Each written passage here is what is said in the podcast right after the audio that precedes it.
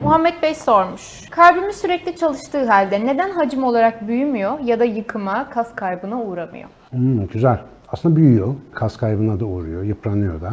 O yüzden yaşlanıyoruz, ölüyoruz mesela. Fakat normal, iyi, sağlıklı bir fizyoloji içerisinde kalbimizin çalışma prensibi açısından her kasılmadan sonra meydana gelen gevşeme yani tıbbi adıyla her sistolü takip eden diastol döneminde kalp kasımızın enteresan bir özelliği nedeniyle o aralıklarda bir dinlenme süreci yaşıyor ve kas metabolizması çok hızlı bir şekilde kas hücrelerinin ihtiyacını karşılayıp onu bir sonraki sistole yani kasılmaya hazır hale getiriyor. Her doku milyonlarca yıllık evrimsel süreç içerisinde yapmaya adapte olduğu ya da yapmaya programlandığı şey için en optimal düzeyde özelleşmiş durumda. Sürekli çarpan ve gevşeyen bir kas tabii ki böyle sesimesi geldiğinden hepimizi dikkatini çekiyor. Herkes biliyor kalp kasını ama mesela ben size çok daha çalışkan bir kas söyleyeyim. Mesela kadınlardaki rahim kası özellikle hamilelik süreci oluyorsa mesela 9 ay boyunca gittikçe büyüyen bir bebeği sürekli kasılarak içinde tutuyor. Ve insan vücudundaki en güçlü kas hangisi derseniz biz doğal olarak e, yani hiç düşünmeden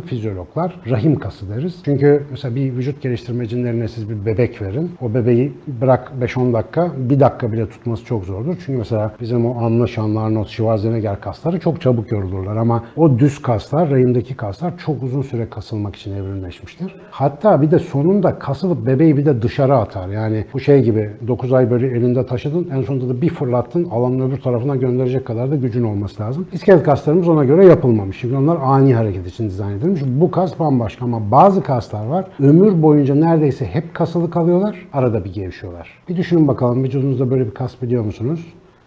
Biraz düşünürseniz aşağı az daha aşağı Anüs kası mesela. Bağırsaklarımızda sürekli içerik var. Gülme çocuğum tıp konuşuyoruz burada. Bağırsaklarımızda sürekli bir içerik var. Dışarı çıkmaya çalışıyor. Orası sürekli kapalı vaziyette bunu içeride tutuyor. Yeterince dolma olduğu zaman bir refleks başlıyor. Ancak geçici bir süre bu açılıyor. Ve bu sırada içinden bir şeyler geçiyor. Burada detay vermeyeyim. Sonra tekrar kapanıyor. Ömür boyunca kasılı kaldığı halde hiç yorulmayan bir kastan bahsediyoruz. Mesela bu da düz kas yapısında. Kalp kası da 3 tip kastan üçüncüsü. Yani iskelet kası, düz kas, bir de kalp kası dediğimiz üçüncü bir kas dokusu var. Onun da özelliği kendi kendine kasılma özelliğine sahip ve her kasılıp gevşediğinde gevşeme sırasında çok hızlı bir dinlenme modu yaşayabiliyor. O yüzden ömür boyu isterseniz 100-150 sene yaşayın. O kas hiç yorulmadan çalışmaya devam ediyor. Ama onu ne yoruyor? Mesela çok hızlı duygusal dalgalanmalar, çok artı çok eksiye doğru bizi çok sinirlendiren, heyecanlandıran durumlarla aşırı deprese eden durumları arka arkaya çok sık olarak yaşamak. Mesela bu kalbimizin kaotik olan ritminin bozulmasına sebep oluyor. Buranın altını çizmek isterim. Kalbimiz saat gibi değil, kaotik bir ritimle çalışır. Yani zannettiğimiz gibi böyle saat gibi periyodik işleyen bir sistem değildir o. Kendi düzensizliği ama düzensizliğin içinde bir düzeni vardır. Bu çok fazla heyecansal iniş çıkışlar, mesela uzun süre stresler vesaire onun bu çalışma ritmini maalesef olumsuz etkiliyor ve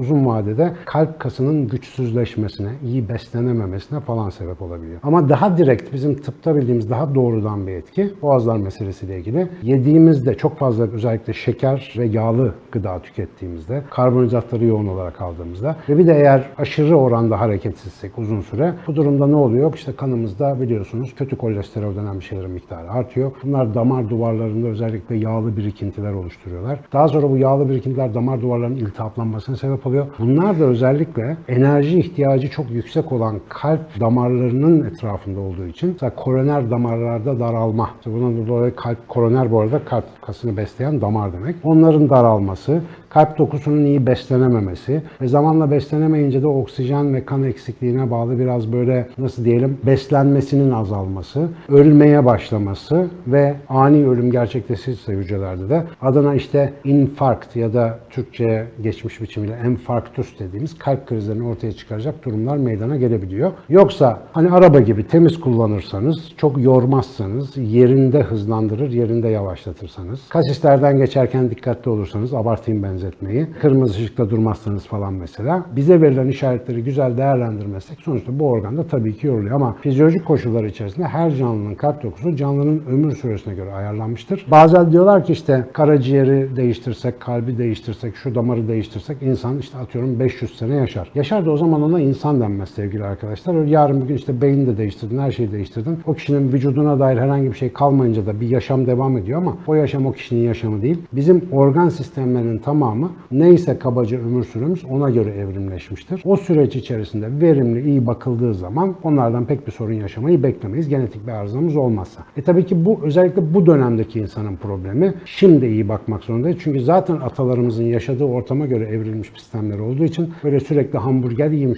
şeker çikolata tüketeyim gibi bir lüksleri olmadığından onlar çok fazla hasar veremeyebiliyorlardı. Daha önce bir sorumuzda hatırlarsanız diş fırçası olmadan insanlar nasıl hayatta kaldı diye konuşmuştuk. O zaman böyle kompleks karbonhidratlı gıdalar olmadığı için dişlerimize bir şey olmuyordu pek hatırlarsanız. Yani atalarımızın dişlerine. Aynı şekilde kalp dokumuz da bugün biraz fazla müteessir olabiliyor. Kalp çalışmaktan değil bizim onu yormamızdan dolayı hasar görebilir. O yüzden işte ben herkesin temel düzeyde biraz vücut fizyolojisini bilmesinin çok faydalı olduğunu düşünüyorum. İşte insanın fabrikalarında biraz bu niyetle yazmıştım zaten. Yani acık böyle farkında olursak onun böyle tıp tıplamalarından bazen böyle hızlı hızlı atmalarından bize bir takım uyarılar vermelerinden bir şeyler anlayabiliriz.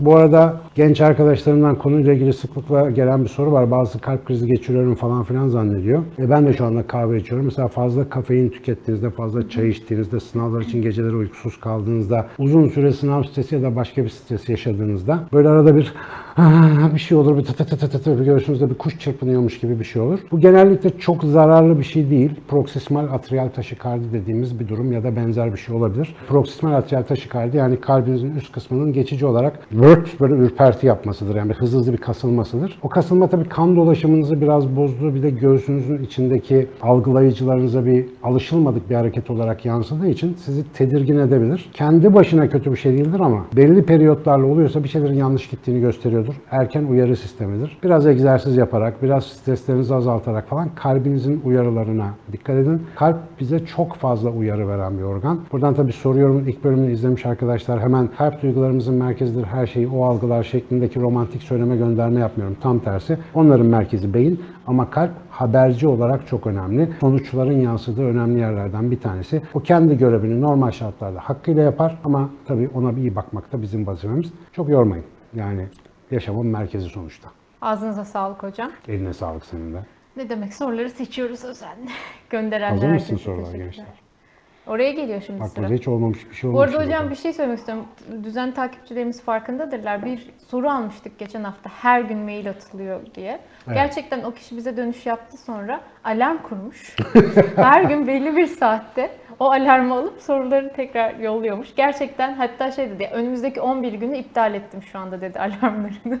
O zaman bir sonraki soruda obsesif kompulsif durumu tartışalım. Değil mi? Ben de düşündüm.